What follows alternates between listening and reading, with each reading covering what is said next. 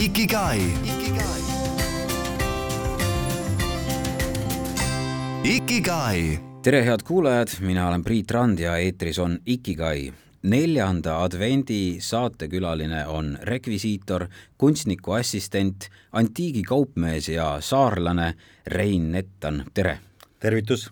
no ma tean, tegelikult oled sa üles kasvanud hoopis Harjumaal.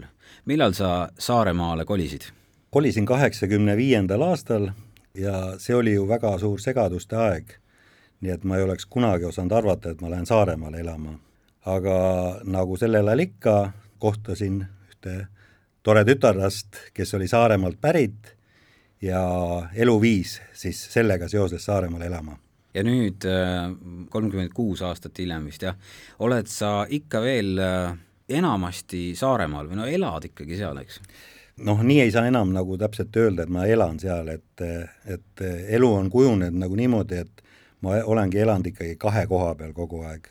et mul on kogu aeg olnud ka Tallinnas mingi elamine ja viimastel aastatel on kujunenud niimoodi, et see Tallinn on ikkagi koht, kus on rohkem töö tegemist ja, ja need tegevused, millega ma olen seotud, noh, Saaremaal ei ole võib-olla väljundit nende asjade jaoks, aga nii kui on vaba aeg ja ma leian mingi aja, siis ma ikkagi istun autosse ja sõidan Saaremaale, sellepärast et väga lihtne on alati öelda siis tuttavatel, kui keegi helistab, et ma olen nüüd Saaremaal, siis jäetakse kohe rahule, et see on nagu niisugune puhk, puhkekoht tegelikult, puhkamise koht no äh, ma nimetasin su mõned tiitlid, aga mis sa ise ütled, kui keegi küsib, äh, Rein, millega sa tegeled? no see on mul olnud tegelikult äh, kogu aeg väga keeruline vastata. Oleneb inimesest, kes küsib, oleneb, millega ta ise tegeleb, et võib-olla siis ma ütlen nagu selle kõige lähedasema tegevuse, millega ma tegelen, aga viimased aastad, viimased kümme aastat on ikkagi olnud tegevus seotud põhiliselt filmide tegemisega, kus ma olen siis filmides olnud rekvisiitor propsmaster, kes siis vaatab filmidesse kõik eh, asjad, mis sinna filmi on vaja. ja, ja muidugi ei ole ma pääsenud antiigist, millega ma olen tegelenud kogu oma teadliku elu, et see on minu jaoks üks põnev maailm, sealt leiab veel põnevust, et tavalisse poodi minna on ikka suhteliselt igav, aga mm -hmm. kui sa satud antiigipoodi või antiigimessile, noh, siis on seal põnevust kui palju me jõuame nende teemadeni õige pea, aga kui ma intervjuud kokku leppisin sinuga, siis sa ütlesid, et ah, Ikigai, ma olen üht selleteemalist raamatut lugenud. no mis raamat see oli, mida sa sealt lugesid või mis sul meeles on? Meeles on see, et see Ikigai, see termin on pärit Jaapanist ja see on nagu, nagu aeglane elustiil. kui meil ikka ümberringi kõik tundub väga kiire olevat, siis on see nagu aeglane elustiil, mille käigus sa tegelikult äh, vaatled maailma ja mitte ainult väljapoole, vaid veel tähtsam, et sa vaatad võib-olla oma sisemaailma, mille järgi sa tegelikult noh, tajud, mida sul on endal vaja ja mida ei ole vaja. see on nagu meeles. Ja vist üks põhikohtasid, kus seda hästi palju viljeletakse, oli Okinawa saar. mulle tundub küll nii, jah. jah nii, oled tunnikontrolli edukalt läbinud see kõik vastas tõele. aga kas sa ise ka Äh, mõnd filosoofiat igapäevaselt oma elus rakendad või kas või seda ikigaid vahel meelde tuletad? Äh, no absoluutselt ka juba noorest peast on minu huvi olnud seotud mingi idamaade usunditega ja üks esimesi nimesid, mida ma nimetaks, mäletan, olin kunagi keskkooli aeg haiglas, oli tohutult igav ja sattus kätte raamat, Mahatma Gandhi raamat Maailm on väsinud vihkamast ja ma võin öelda praegust, et see raamat on muutnud minu elu väga palju. nii et mul on kogu aeg kõrval ikkagi selline budistlik äh, maailmavaade olnud, ma nagu tajun või mõistan karmaseadust ja noh, selle käigus on proovitud ja tehtud väga erinevate tehnikatega tegeletud.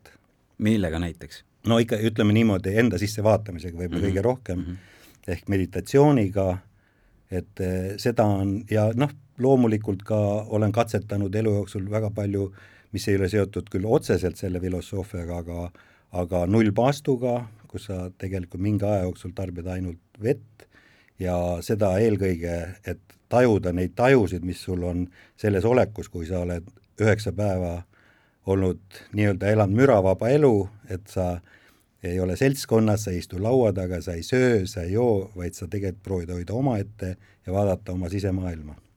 Kõlab äh, nagu puhkus, mida igaüks vajaks ja aeg-ajalt peaks tegema. jaa, ja see on tegelikult täiesti tasuta, muidugi raske on võib-olla leida seda kohta, saab ka tasuliselt teha, olen ühe korra käinud eh, see Paastu laagris nende aastate jooksul.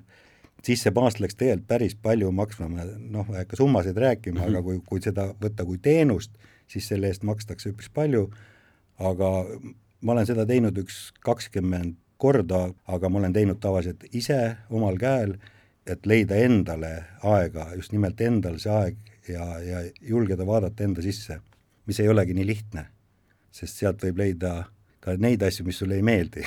jaa, kuulame vahepeal muusikat ja siis tuleme tagasi äh, ühe suure osa juurde sinu elust, äh, filmide maailma.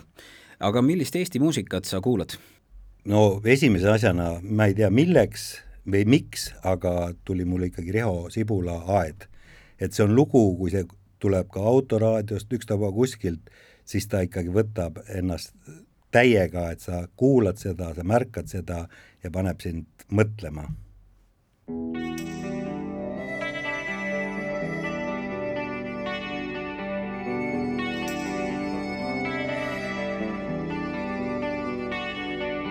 Päike paistis ja aed oli haljas. nüüd on murtud kõik metsik ja must.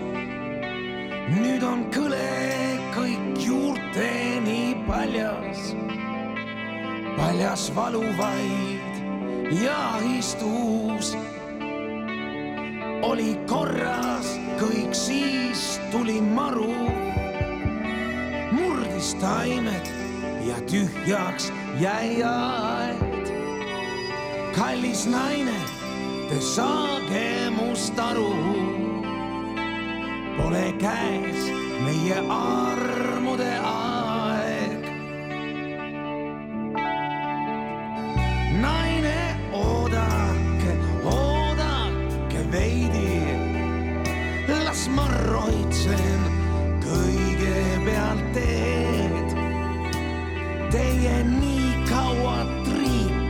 triikige kleidid, välja valige prossid ja keed. naine, oodake, oodake ainult, puudlas ravitsen, lilledki seon, laotan laiali aasad ja vainud. seal siis teemegi teiega peo.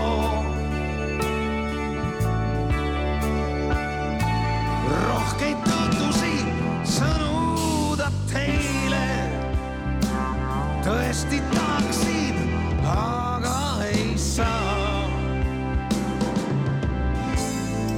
päike soojendas maailma eile täna maru on rüüstanud maa,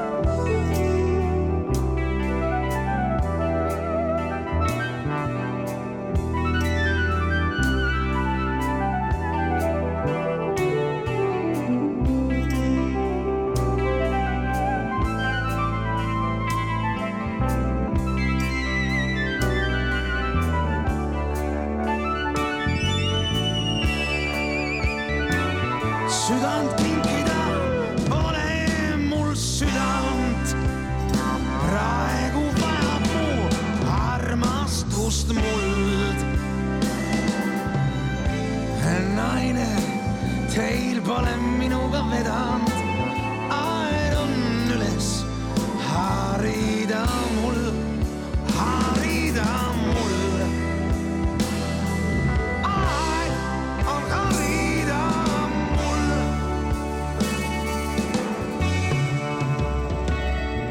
mul paistis ja ilm oli ilus. tulvil lõhnasid ja rohelust. nüüd vaid vähesed taimed on elus. kõik on murtud ja metsik ja must. aias vohavad tühjus ja valu. tulvaveed. kui te suudate, oodake palun. kui ei suuda, eks minge head teed, head teed.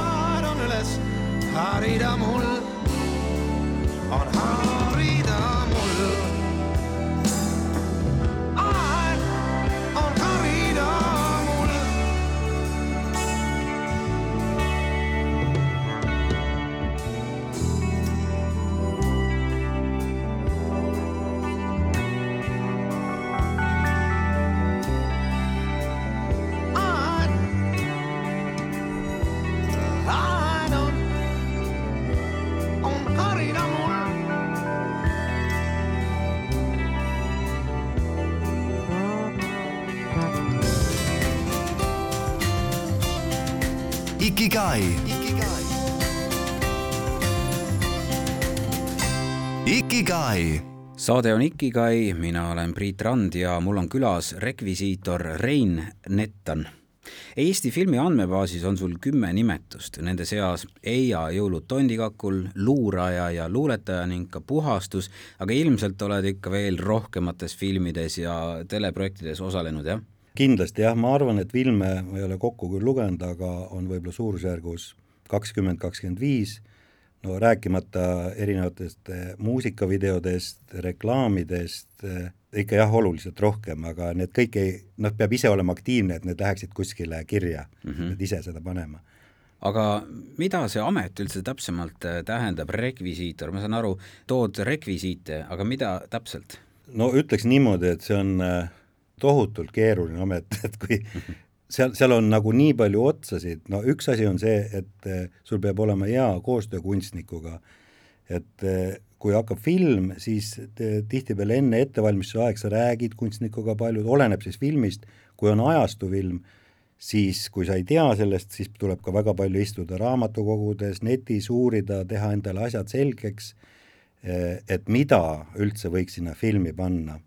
Minu lemmikud ongi ajastufilmid, kuna ma ise tegelen antiigiga, siis see on mu lemmikteema ja see on ka mu eelis võib-olla paljude noorte ees, sest seda otseselt õppida ei saa, see tuleb nagu eluga ja kui sa sellega tegeled, siis sa lihtsalt saad mõned asjad teada. see protsess on tegelikult väga keeruline, kuna filmi tegemine on muutunud väga kiireks ja see vastutus on väga suur sa ei jõua neid protsesse kontrollida, et eh, tihtipeale võib juhtuda, et režissöör on ikkagi platsil nagu jumal natukene, et kui tal ikkagi tekib väga suur tahtmine mingit asja teha, näiteks sinu rekvisiidiga, milleks sa pole ette valmistanud, et sellega võib midagi juhtuda eh,, noh, siis on see keeruline mm, -hmm. sellepärast et mõnes suhtes saad aru, et film tehakse ühe korra valmis ja see, see peaks tulema nii hea kui võimalik, et mingi asja taha seda nüüd pidurdada mm, -hmm. et seda asja ei tohi õhku lasta või seda ei tohi lõhkuda, oleks ka nagu jama, aga noh, samas kui sa oled kellegi käest selle toonud, kui see on võimalik välja osta, siis on väga hea,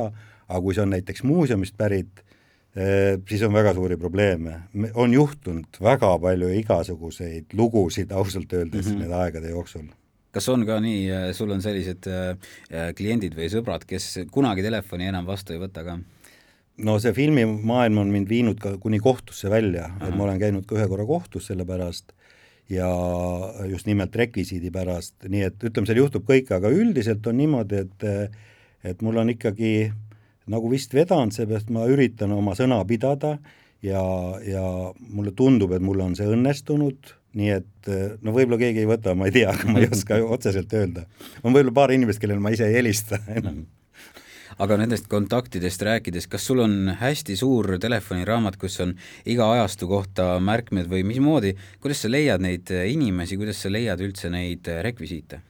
see on ka, ei ole sellist raamatut, olen küll üritanud mitu korda teha, et, et noh, näiteks, et vanade autode suhtes või et oleks mingi kataloog, noh, midagi ka on üldiselt, aga elu on väga muutuv filmiprotsessid käivad nii kiiresti, et sa, no tavaliselt ei juhtu seda, et sa teed kahte filmi ja sa nagu kasutad ühtesid asju, ühtesid rekvisiite, vaid äh, reegel on ikka see, et sa hakkad nullist kõike pihta.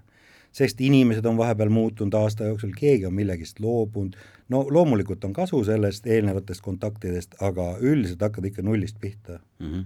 kas vahel äh, on äh, missioon nii võimatuks osutunud ka, et on äh, tulnud mõni asi valmis teha ise? seda juhtub väga palju.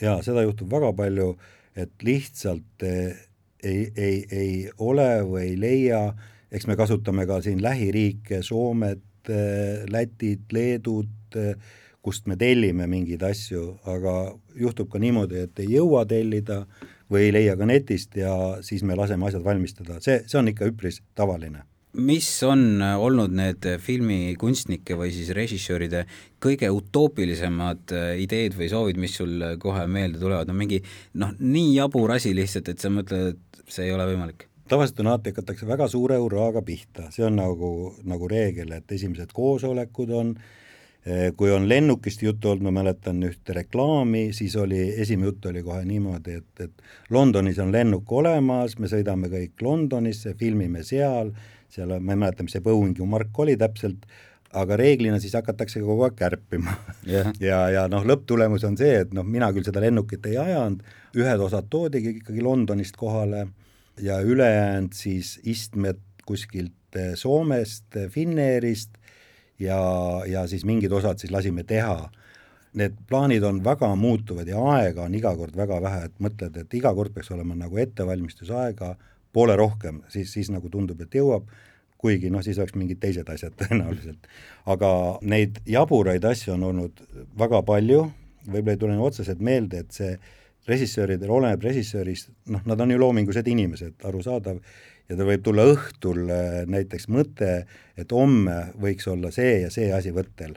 no kell võib olla üks öösel näiteks, on ju, noh, see ei ole lihtsalt võimalik, aga on juhtunud ka väga palju seda, et sa ikkagi kuidagi saad selle või leiad või sul avanevad mingid teised kanalid, et selles suhtes ma lausa usun seda, et eh, meie ümbritsev maailm on eh, kõik fantaasia ja me ise loome selle maailma, et mul on juhuseid nii palju olnud, kus sa näed, et ei ole võimalik, seda ei ole olemas, seda ei saa, ja sa mõtled, mõtled, keskendud pingsalt sellele, sõidad autoga ja siis sa näed järsku seda asja, sa oled võtteplatsil teel ja et see on kuskil ütleme teeservas on ju, ja sa lähed, ütled inimesele, et kas te saaksite tulla oma autoga või, või noh, mis on täiesti eriline asi, on ju, et neid, neid lugusid on olnud päris palju ja siis tekib see mõte, et me ise loome selle maailma. sa lihtsalt lood selle asja sinna, sellepärast seda on vaja, kui sul on väga tugev mõttejõud kui nüüd niimoodi raksust valida, ehm, kas ehm, mingi projekt, millega sa oled töötanud, mõni Eesti film, on sulle kõige südamelähedasem ka?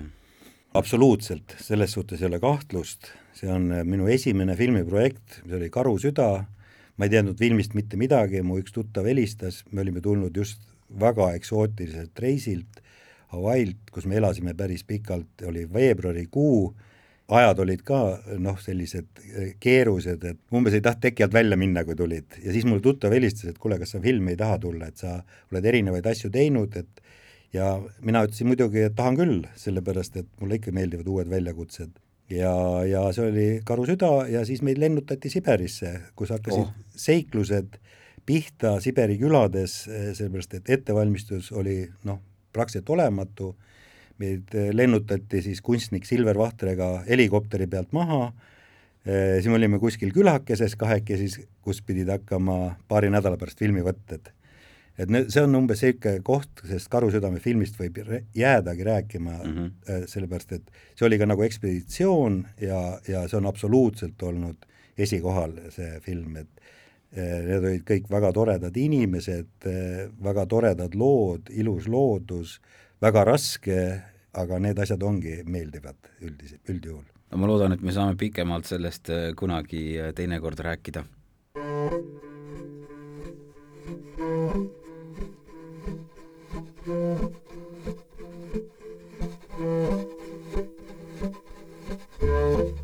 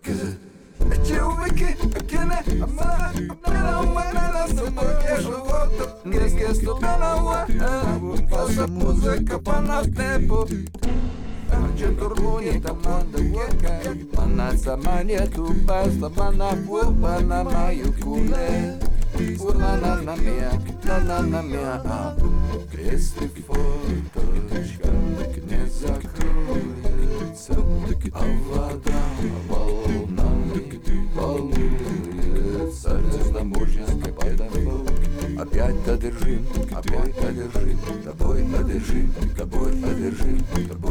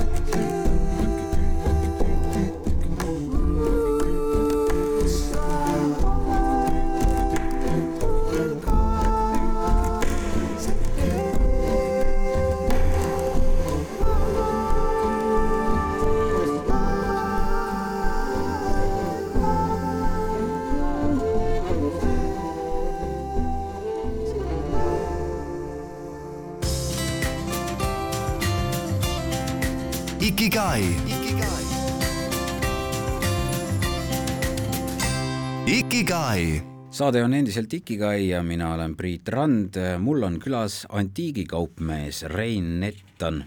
no mina näen, et rekvisiitoritöö ja antiigiäri on ju parasjagu seotud ja sa viitasid ka sellele, et ongi, et sinu panus ja sinu tugevus on see, et sa oled ajastutega hästi kursis.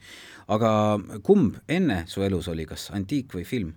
ennem oli antiik ja see juhtus täiesti juhuslikult, et kui ma mandril elasin, siis, siis olid minu põhitegevused olid ikkagi umbes sport ja, ja mootorrattad ja, ja noh, tegime ka bändi nagu sellel ajal kõik, kõik tegid, on ju, aga need olid nagu põhitegevused ja ühel hetkel mind hakkas ühe sõbra mõjutustel huvitama kunst, ma hakkasin järsku üleöö, kuigi ma toimetasin nii-öelda sellises tohutus poiste macho seltskonnas ja siis ma salaja hakkasin joonistama ja maalima, sest ma ei julenud seda öelda, et ma sellist asja teen, on ju. ja kui ma vahetasin elukohta, läksin Saaremaale, siis ma juba teadsin kuidagi, et ma tahaks tegeleda mingi sellise põneva asjaga, ma läksingi tööle restaureerimisvalitsusse, kus oli väga lahe seltskond koos, kus kuulati väga head muusikat ja restaureeriti antiikmööblit. nii et see oli nagu tol ajal minu jaoks täiesti uus maailm.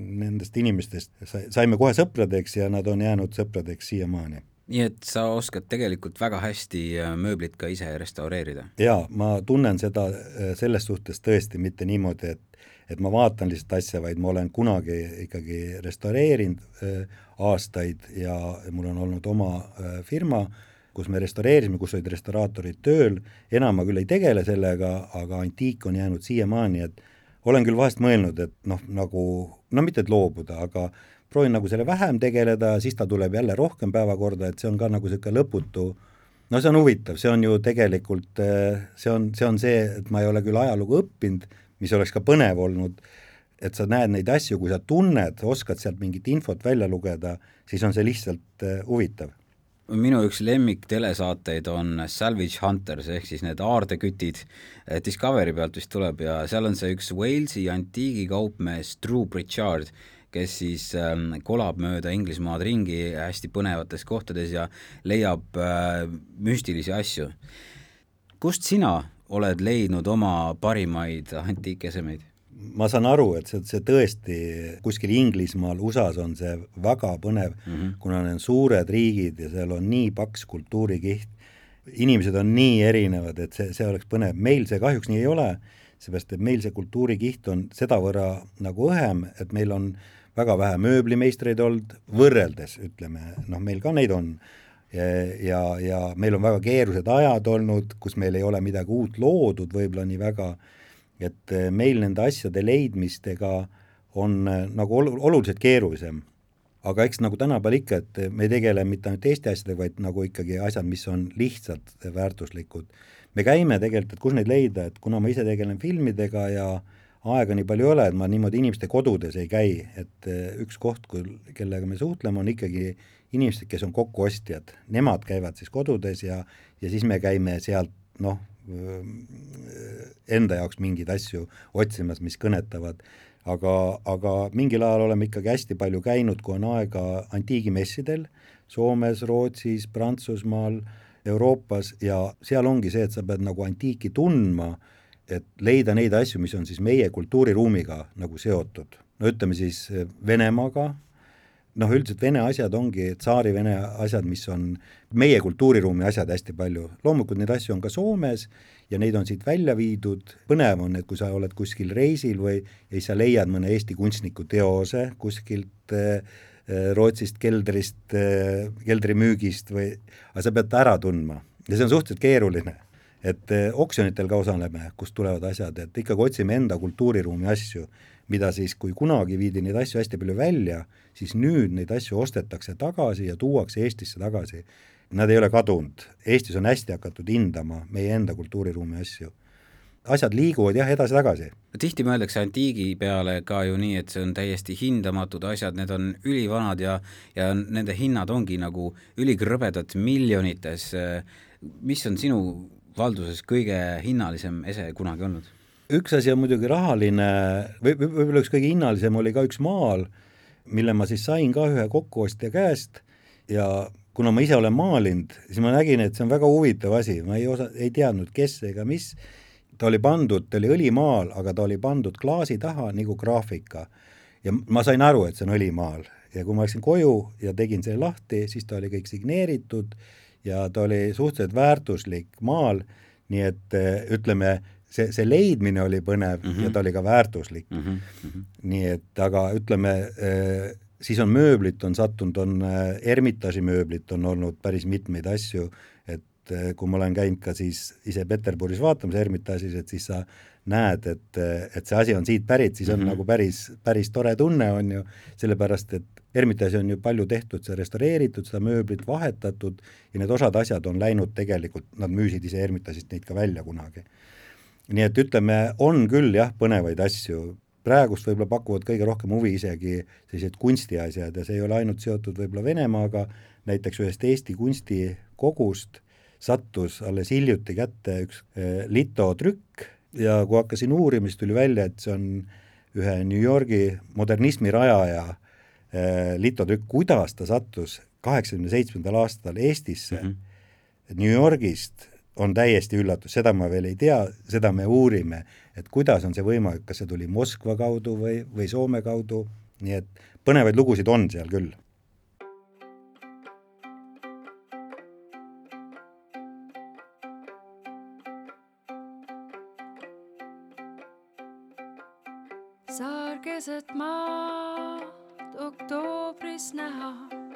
Paun ja salu siit vee pealt ära, mida seal saan näha, mida seal saan näha. ei kutsunud mind nõrk meel sind näha, vaid laululind mind võlus ära, mida seal saan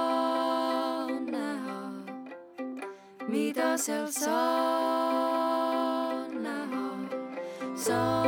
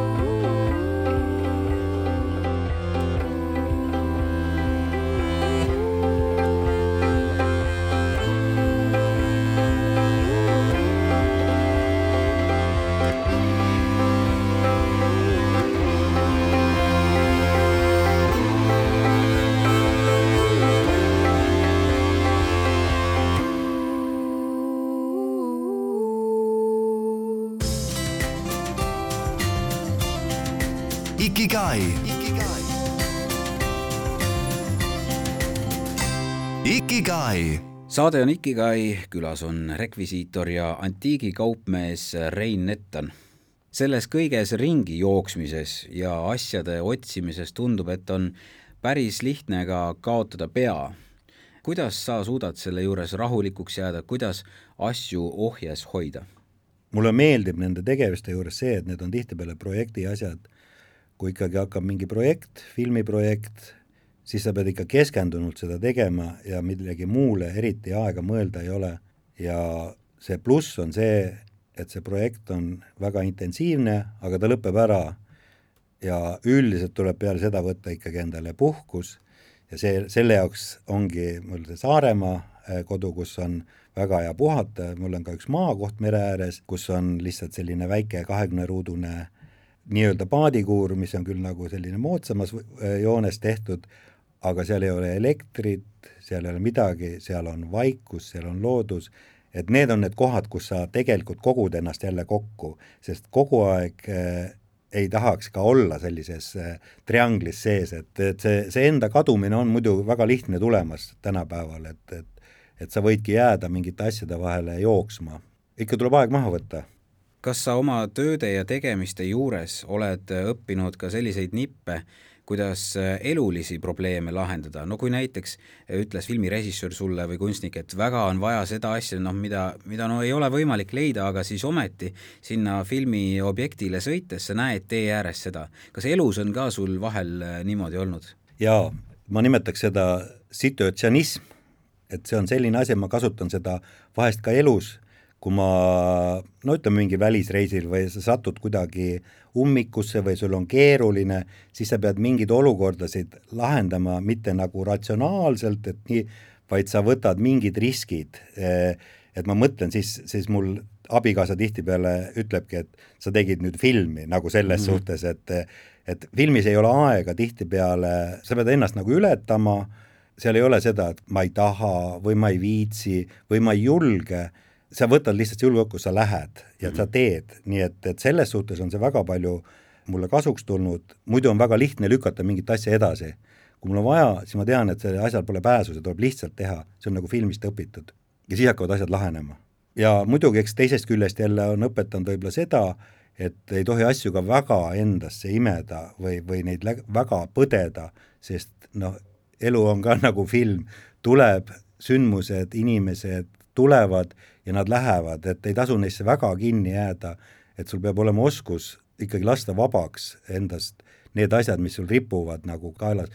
aga ega see muidugi nii lihtne ei ole no minu kogemuse järgi on äh, elul perioodid, on äh, kiired, ongi aeg, kus tuleb teha hästi intensiivselt tööd mm -hmm. ja siis on jälle aeg, kus noh, tuleb saada aru, et nüüd on aeg puhkamiseks. et sa ei, et, et noh, ühesõnaga võib kuklas olla mure, et mis ma nüüd teen, mul ei ole tööd või noh, et ma võiksin ju seda aega kasutada nüüd noh, mingi töö otsimiseks või töö tegemiseks, aga siis tuleb anda endale aru, et võib-olla see aeg on hoopiski millekski muuks praegu ette nähtud, et sa peadki puhkama ja jõudu koguma või siis vaatama rahulikult aga muidugi ei tohi ka nagu täitsa istuma jääda, et pead aru saama, kui mootor päris välja sureb. ja see, see on nagu selles suhtes tuttav tunne, kipub olema niimoodi, see on noh, tegelikult huvitav asi, et kui sul on tegemist palju, siis kipud sa endale ütle, et nii palju on tegemist, pole aega, saad aru, samas tegelikult tuleks keskenduda siis sellele, et sa teed neid asju, sest praegust on see nii-öelda energialuuk lahti mm -hmm. või see, see infoluuk, et sa pead tegema. ja siis, kui on kinni, saad omaette, siis ei tasu laskuda masendusse et, et nüüd ei ole midagi, kas keegi helistab, kas keegi ja. kutsub, vaid mõelda vastupidi, nüüd on see aeg, mis on enda jaoks, nii et mm -hmm. jah, ma olen sellega täiesti nõus, et mm -hmm. see nii on. mis sinu arvates on elus kõige tähtsam asi või siis kaks-kolm kõige tähtsamat? muidugi, kui, kui, kui keegi küsiks konkreetselt, et mis on elu mõte, siis mina ütleks selle peale, et elamine ongi elu mõte. aga mis on äh, kõige tähtsamad asjad no üks on kindlasti sõbrad ja lähedased inimesed, et eh, kuna ma olen neid üksinduse perioode teadlikult teinud, siis selle käigus saad aru, et, et ikka sinu lähedased inimesed, neid võin nimetada perekonnaliikmeteks, lasteks, sõpradeks, sellel ei ole oma tähtsust, aga need lähedased inimesed, kellega sa saad rääkida, kelle juurde minna, ma arvan, et see on üks kõige tähtsamaid asju. Ja teine asi on ikkagi eneseteostus et eh, need asjad on ka seotud, et sind kutsutakse, et sa oled vajalik kuskil, et sind tõesti kutsutakse ja sa näed, et sa saad panna kuhugile panuse. ma arvan, et need on kaks sellist väga tähtsat asja, tähtsaid asju on muidugi oluliselt rohkem, aga võib-olla jääkski nende juurde praegust mm. -hmm. aga kui me tuleme korra tagasi selle Jaapani mõiste ikigai juurde, kas sa arvad, et sa selle oled eh, endale selgeks teinud või leidnud? ei ole kindlasti see on nagu mingi kuklatunne, mis on kogu aeg niisugune väike unistus, et, et kui on need perioodid näiteks, et sul on väga intensiivsed perioodid, siis võid mõelda, et ah, ma lõpetan selle ära, siis ma teen mingeid asju, täiesti teisi asju, kus ma kulgen rahulikult, näen seda, mis mu ümber toimub ja, ja osalen selles, mis toimub. aga no elu jälle lükkab mingi teise asja sulle ette võib-olla seda ei saagi niimoodi jõuga teha, võib-olla selleks peabki ikkagi küpsema ja hea, kui seda oskad märgata seda või endale vähemalt mõtestada seda asja, et selline võimalus on olemas, juba see on suur asi, aga eh, mine tea, võib-olla see kunagi tuleb, seepärast et eh, minu jaoks eh, on üks kriisisõna nagu see, kui sind ennast pole sinu tegevustes, siis on midagi valesti. Ja seda juhtub elus päris palju, et sa satud nagu nii-öelda ree peale, sa toimetad, toimetad, aga sind ennast ei ole seal toimetamises. et see on tegelikult selline riskikoht, kus tuleks mõelda ja mõtestada, et sa pead ise oma tegevustes kogu aeg osalema, märkama seda, et mina teen, ma olen sellega seotud, mitte mina ego pärast, vaid see, et see toimub minuga. Need on tähtsad asjad. võib ka teha teistega koos, aga sa pead ise olema kogu aeg kohal selles tegevuses, mida, mis on üks keeruline, mis on väga keeruline. aitäh, Rein Nettan, täna saatesse tulemast ja oma mõtteid jagamast. ma soovin sulle edu, jõudu, jaksu ja kaunist jõuluaega! aitäh, samad sõnad sullegi ja kõigile kena aastalõppu!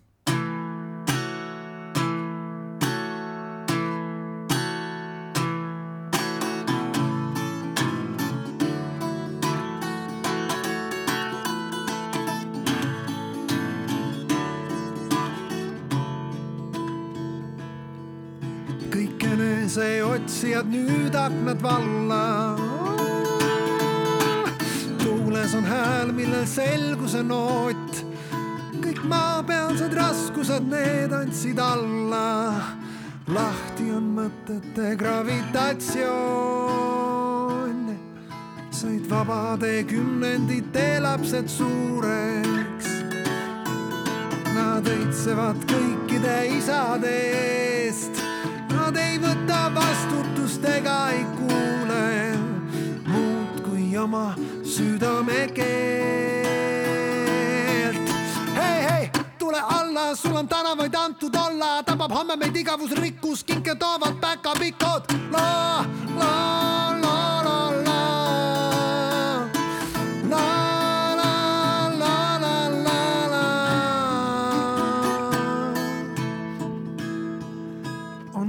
metsades tõusmas hiidseebi mulle. keegi ei tea, kust nood alguse saanud. on prohveti huuled neid puhumas tuulde, neid tagasi purki panna ei saa. eelmine sajand kõik kartulikoored söödi ära tänaste päevade eest me seisame keskel, kuid hästi ei kuule ennast ja seda, kuhu oleme teel. mustal ja valgel vahet ei tee. me oleme kiilutud segaste aegade vahele. la la la. La la la la la hei, hei, tule alla, mul on tänavaid antud olla, las puruks kukub dollar, las rasket vihma kallam, teen sulle teed, olen ürgmees, jäta vana valu, valu, ole hea.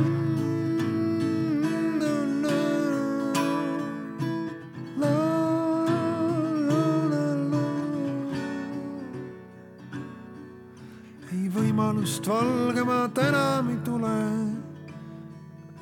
kõik kulmikud uutele tiibadele. usku ja lootust ja kõik aknad valla, kel metslinnu süda on vähegi sees. välja kui lendad, ei tagasi saa. me küll suunda ei tea, kuid siht iga päev, iga tund, nüüd kohe see on selgumas